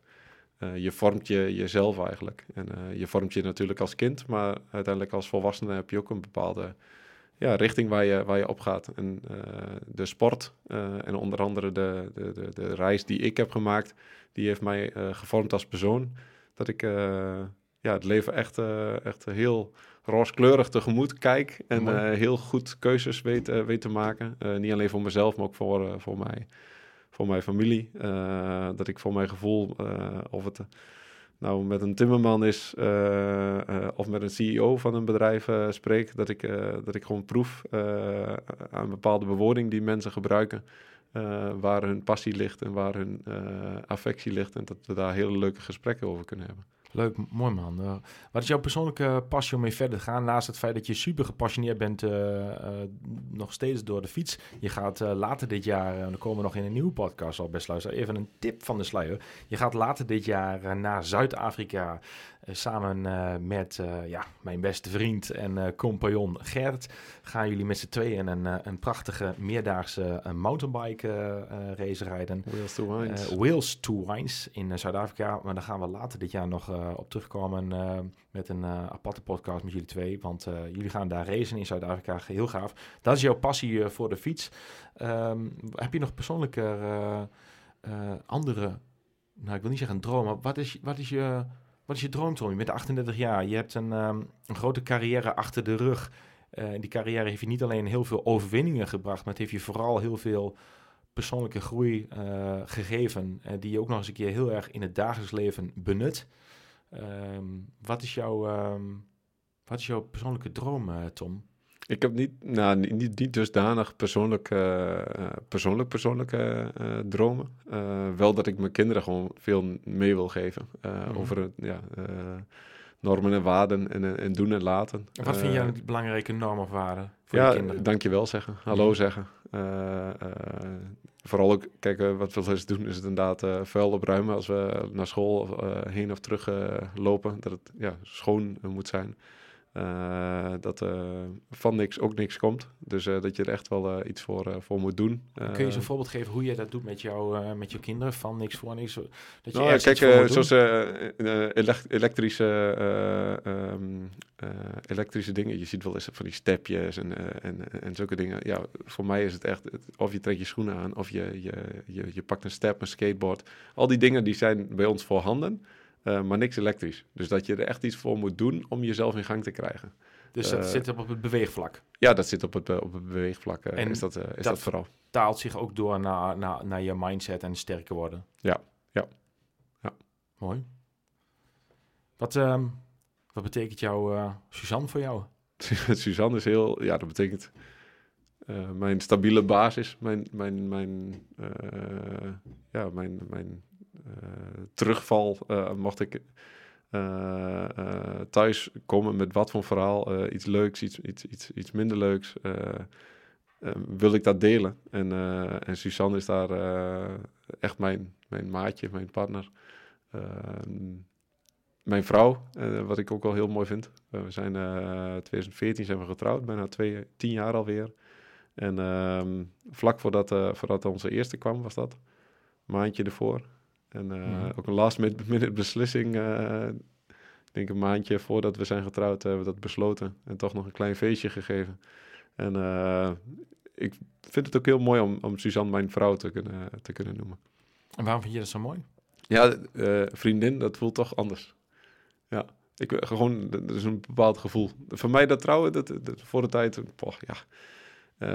Het was ook dat wij zo- zoiets hadden van, ja, god, dan hebben we het meteen voor Sam, voor onze oudste. Hebben het ook meteen goed geregeld en eh, dan, eh, eh, ja, qua naam en, dergelijke. En ja, laten we dan toch maar, toen de beslissing gemaakt, laten we dan toch maar trouwen. En uiteindelijk ben ik daar blij om, om, om Suzanne onder andere, mijn vrouw, te, kunnen, te kunnen noemen. Prachtig. Ik zie ook dat je erbij smaalt. Dat doe je sowieso altijd. Maar nu nog meer. Ja, Suzanne ziet dat niet, maar die voelt dat wel door de... Ja, de vast, fight heen. vast. Hey, waar ik nog wel eens benieuwd... eh, een paar, we gaan recht zo richting het einde van, eh, van deze podcast. We hebben een beetje inzage gekregen in eh, hoe, hoe, hoe dat werkt als samenspel van die negen renners om uiteindelijk te komen tot de winst. Eh, jouw carrière van jongs af aan tot, tot waar je nu staat. Ehm, nou, jij als family, eh, family man. Waar ik nog wel even benieuwd naar ben. Is er iets waar je van terugkijkt dat je dacht... Ja, terugkijkend op mijn carrière, dat had ik toch wel... eh, dat had ik toch iets anders kunnen of willen doen als ik, dat, eh, als ik daarop terugkijk? Is iets waarvan je Oh. denkt van... Goeie vraag. Mm, ik, ik zou zo, niet, eh, zou zo niks kunnen bedenken wat ik, wat ik anders zou willen of kunnen. Ik, ben- ik ben vooral heel trots op eh, wat we, ja, ik zeg heel tijd we, maar eh, wat we bereikt hebben. Het is natuurlijk wat ik zelf bereikt heb, maar wat Mhm. we als team eh, bereikt hebben door, eh, door het teamspel. Want ik denk niet dat wij eh, als, als team toenmalig eh, individueel als renners konden wedijveren met, de met de betere sprintersteams en met de betere renners.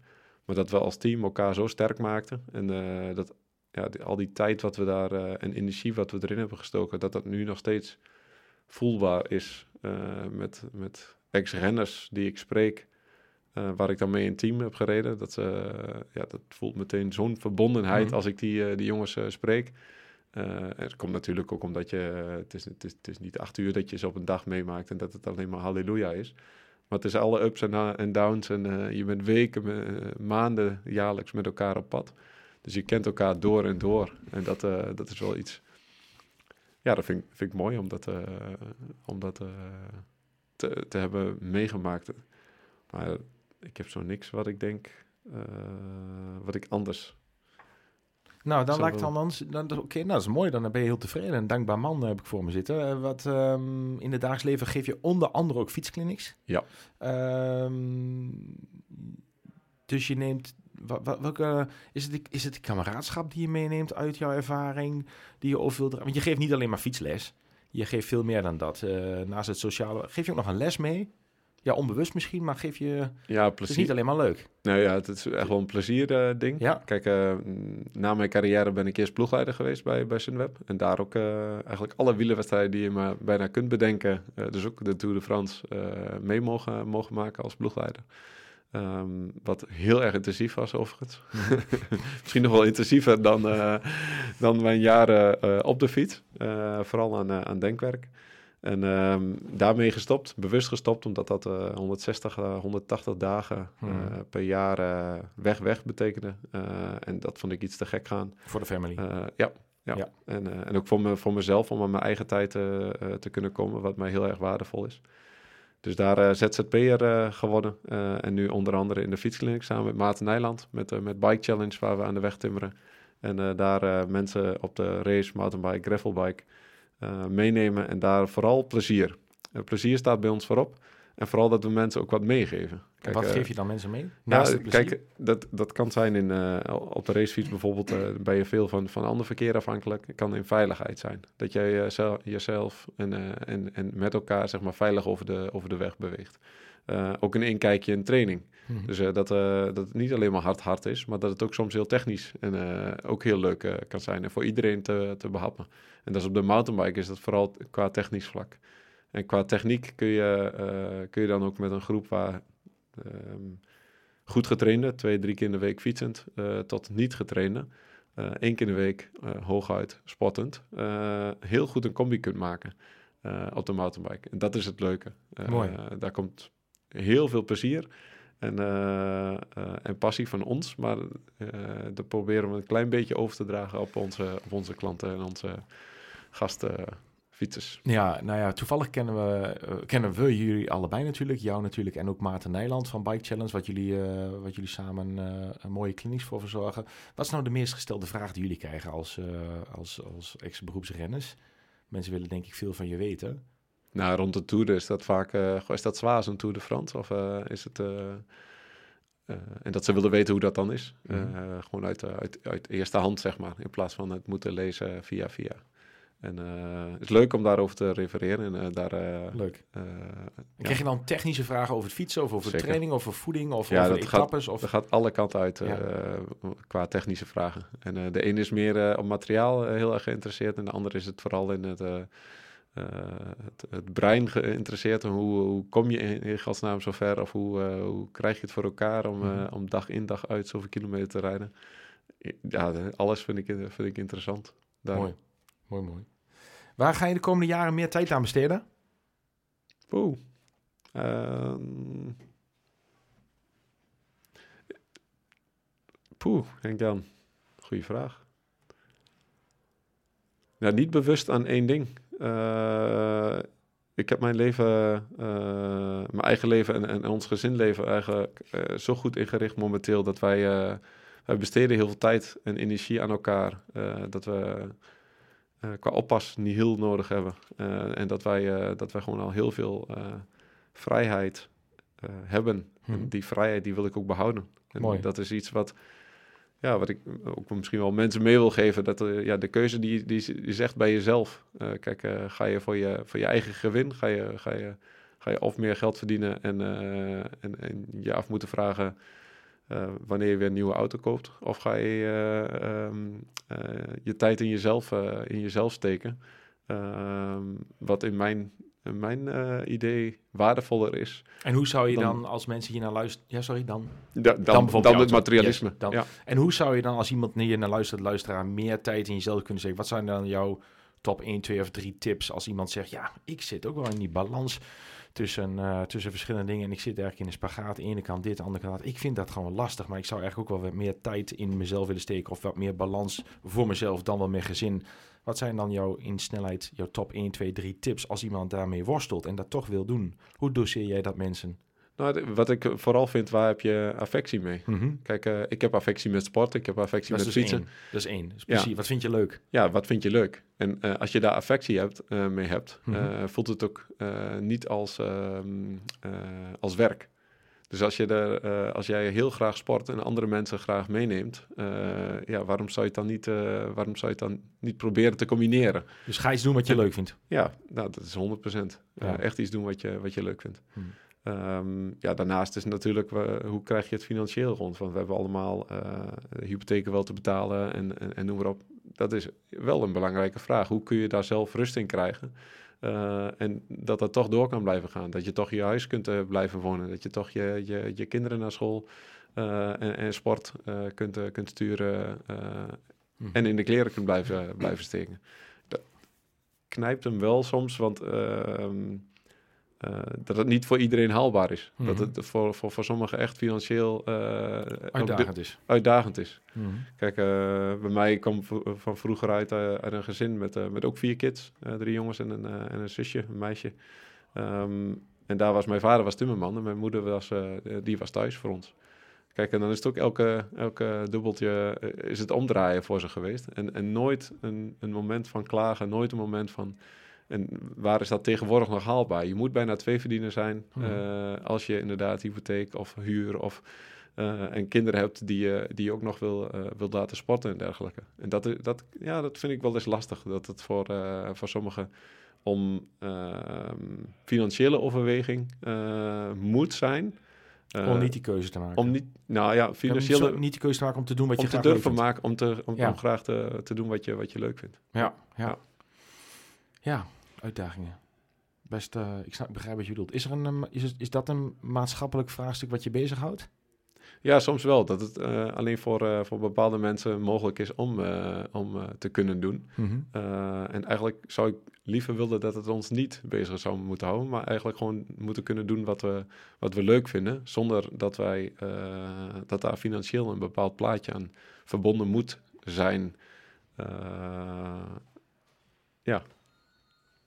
Ja, dat is het. Ja, dankjewel. Ik heb één, eh, ja, die, die- deze vraag die je nu ga stellen, wilde ik eigenlijk wel iets eerder stellen, maar nou, kwam niet van bij deze. Is er iemand in je, in je carrière geweest die jouw voorbeeld was? Heb je ooit een voorbeeld gehad? Ik ga even helemaal terug naar de fietsen, maar we gaan richting afronden. Maar deze wil ik toch nog even aan je stellen, voordat we naar, de, naar, de, naar het einde gaan. Heb je een voorbeeld gehad? Nou ja, ik was, ik was, vroeger was ik, eh, was ik fan van de underdog, Jan Ulrich. Ja. Ehm, maar goed, eh, niet, niet, in, ehm, niet in een bepaalde mate van, van één persoon. Ik denk dat d- er is niemand perfect. En er zijn eh, heel veel mensen die heel veel ehm, ehm, eh, mooie aspecten hebben en, Mhm. en, en ook wel in stand houden, waar ik wel jaloers op ben. En dat is bij mijn ouders, bij, bij vrienden, bij, bij mensen die ik training geef als ik daar ge- gesprekken over heb. Eh, en dat kan wel zijn in, eh, in, eh, in leergierigheid, dat ik durf vragen te blijven stellen. Dat kan zijn in het onthouden van, van, van dingen, waar ik ook wel een vriend van mij, Bart, heeft dat heel erg. Dat hij, die zal geen verjaardag vergeten, bij wijze van, of die zal, als ik hem Mooi. als ik ergens naar refer- gerefereerd heb, dan zal hij me dagen later of een week later, als we elkaar weer spreken, zal hij me daar weer naar, naar vragen.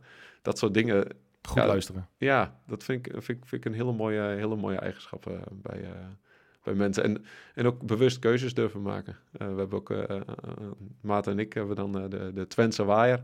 En dat is een groep ondernemers die we, die we training geven. Ja, daar kom je verschillende verhalen. Is inmiddels 60 man is daar lid van. En verschillende verhalen kom je, kom je dan in. Maar daar zijn ook mensen tussen die gewoon heel bewust keuzes maken. eh, ofwel eh, eh, bedrijfstechnisch, ofwel persoonlijk technisch. en die keuzes ook durven maken.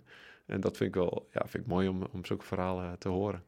Ja, mooi. Mochten er luisteraars zijn die hier nu ook naar luisteren tijdens het strijken, het autorijden, wandelen, hardlopen of, dat je op de fiets dit, deze podcast luistert en je denkt voor jezelf van, hey, ja, de vraag die je nu zou kunnen opgooien voor jezelf, waar zou ik zelf graag bewustere keuzes in, eh, in willen maken? Dat is denk ik een mooie vraag eh, voor jezelf. Eh, en de tweede vraag die ik ook aan Tom stel, is misschien ook een interessante van, goh, waar zou jij zelf de komende jaren meer tijd aan willen besteden? Het is misschien een mooie vraag om, om wat langer bij stil te staan. Ik hoorde jou net zeggen, poeh, ja, oh, goede vraag, heb ik echt niet zo nagedacht. Het is niet misschien één ding. Maar ik denk dat het interessant is om voor onszelf allemaal, zonder te zweverig te worden, eh, af en toe even stil te staan en zeggen van waar zou ik in dit kostbare en tegelijkertijd ook korte leven, hoe oud je ook mag worden, eh, meer tijd aan willen besteden. Ehm, dat is denk ik een, eh, een waardevol, eh, waardevolle vraag, omdat dat helpt om, eh, om koers te geven eh, aan, je, aan je leven. Om in deze wielenterm te blijven. Ik vond een mooi gesprek, Tom. Ja, gelukkig. Jij dan? Ja, ik ook. Ja? Ja. Mooi. Eh, je gaat straks eh, naar Hilversum. Ik je ga gaat ehm, praten eh, in de studio over verslagen, verslagen eh, de, de, de, de, de koers eh, ga je verslaan. Ehm, heb je nog een eh, voorspelling wie dit jaar de Champs-Élysées sprint gaat winnen? Ja, dan komt Philipsen wel heel dichtbij. Mhm. Aangezien hij al... ja, vier heeft hij er al, hè? ja, Vier ja. overwinningen. Ja. ja. Supersterk. We gaan het zien. Mooi. Ik heb nog twee vragen voor jou. Eén. De, de laatste vraag is: wie, Tom, vind jij dat hier in de studio moet plaatsnemen en zou een eh, gast kunnen zijn voor de Spotvermerkje podcast? Poeh. Wie van je zegt, Henk Jan, nou, maar die moet je vragen. want Die heeft een mooi verhaal of die heeft wijze lessen. De eerste, ja, de, de eerste die in mij opkomt, en die zag ik vanmorgen in mijn tijdlijn, zag Mhm. ik die eh, langskomen. Ehm, eh, die zit in eh, Kamp van Koningsbrugge. Oké, Eh, momenteel, Titia van der Stelt. goed. Eh, en die is eh, voedingsdeskundige. Die heeft ook een affectie met sport. Heel erg affectie met sport en met... ehm, ehm, Ja, heel knap. Ik ken haar. diëtiste. Ik weet niet of je haar kent. Ja, sportdiëtiste Titia van der Stelt. Zeker ken ik haar absoluut. Een, eh, een deelnemer op dit moment aan inderdaad Kamp van Koningsbrugge. En het leuke is, twee podcast geleden uit mijn hoofd. eh, twee of drie, maakt niet zoveel uit. Volgens mij is het twee. Zat hier eh, finalist van de 2022 editie. De winnaar slash finalist moet ik zeggen. eh, ook van Kamp van Koningsbrugge, Tom Hallink. Ehm, dus ja, ook mooi om het, het verhaal van Titia te vernemen. Hoe zij Kamp van Koningsbrugge heeft ervaren. Dankjewel voor de tip. Mooi, leuk. Dat was de ene laatste? Dat was de één laatste vraag. En eh, dan gaan we naar de laatste vraag. Eh, ehm, voordat ik die stel, kreeg jij natuurlijk ook de mogelijkheid. Wil je nog iets toevoegen of aanvullen? Of zeg je, Jan, waarom heb je mij dit niet gevraagd, man? Dit had ik zo graag willen zeggen. Of misschien zeg je wel iets, Henk-Jan. Ja, dit, eh, dit wil ik nog even aanvullen of verbeteren. Is er Nee. nog iets waarvan je zegt van, Henk-Jan, dit moet ik nog even over de bühne gooien? Nee, ik heb zo... Nee, nee, nee, niks. Nee. Nou, mooi. Dan, Nee, eh dan zijn dankjewel. we compleet. Nee, jij bedankt. Dan ga ik naar de laatste vraag, Tom. Die stel ik aan iedereen, dus ook aan jou. Op 200 plekken in de wereld staat een billboard. Staan op grote plekken. En eh, op dit billboard mag je een woord zetten, een zin of een quote. En dat is eigenlijk jouw boodschap naar de wereld. En eh, dat billboard staat dus bijvoorbeeld in eh, Londen, Parijs, Champs-Élysées en heel groot in Marsum in het centrum. Ehm, wat staat op dat billboard waar dus gezien wordt door miljoenen plekken, door miljoenen mensen in, in de wereld? En is jouw boodschap naar de wereld, Tom? Poeh, goeie vraag. Je, je maakt de intro wel heel lang, zodat ja, ik goede, het. goede ik tijd heb om, altijd. om na te denken. ik, de eh, luisteraar denkt van waarom doet hij zo lang over die vraag? Maar dat is, ik zie jou en ook andere gasten zie ik nadenken. Oh, wacht, oh, oh, oh, kraken. Maar je krijgt gewoon eh, voldoende tijd. Ik ga, eh, ik ga je genoeg tijd geven om daar eens over na te denken. Hoe lang heb je? Nou, 16 minuten. Je moet op tijd zijn in Hilversum. nee, maar heb je, ik, ja. ik, heb, ik heb zo niet één... Wat is, jouw, wat, is jouw, wat is jouw boodschap naar jouw kinderen? Eh, wat wil je, heb je, of, wat, of naar Suzanne? Of naar, wat, wat is je boodschap naar Suzanne? Ja, of naar kinderen? eh, mijn kinderen, leef. Leef. Ja, leef. Mooi. Eh, laat het tellen. Eh, ja, Nou, ja dan zal het, in, in- in- zal, het, zal het zoiets zijn, ja. Nou, dat Ja. vind ik prachtig. Leef. Laat het tellen. Ja, Dat is toch mooi? Als dat naar je kinderen is, is dat ook je boodschap naar de wereld. Je bent een family man. Voor normen en waarden. Je zei al van eh, eerder in de podcast dat Mark Cavendish eh, dat niet deed op de manier zoals ik het zou doen. Dat zegt, ik heb een andere opvoeding gekregen, zei jij. En je geeft dat mooi door. Ehm, heel mooi. Begon een mooi verhaal op de Twense Hooidijk. En eh, eh, je hebt ons meegenomen in een prachtige reis eh, die je meer mogen maken. Echt het aanraden voor de luisteraar om eens te documenteren, nieuwe helden te kijken. Kun je hem terugkijken op? op ja volgens mij staat Ja? die online. Ja. Oké, dat is echt een, echt, het heeft mij destijds een kipvel bezorgd. Dus echt een aanrader. Luisteraar, bedankt. Ik hoop dat je, er, nou ja, dat je er heel veel mooie lessen uit hebt gehaald. En vooral ook een leuk verhaal hebt gehoord. Want zoals Tom zegt in zijn eigen kliniek, het moet vooral ook leuk zijn. En als je dan af en toe ook nog iets uithaalt waarvoor je zelf af en toe even stilstaat, dan is het eh, wederom een heel waardevolle podcast en een leuke podcast geworden. Luisteraars, bedankt. Tom in het bijzonder bedankt. Voor de wielerfans onder ons veel verder kijk- en luisterplezier. eh, luisteren naar Tom op de NOS in de Tour eh, radio en anders veel kijkers op de televisie. Tot de volgende en help ons even om deze podcast te verspreiden. En vijf sterren is het maximaal wat je kan geven, dus give it up voor vijf. Dankjewel, tot de volgende en een hele fijne dag. Hoi!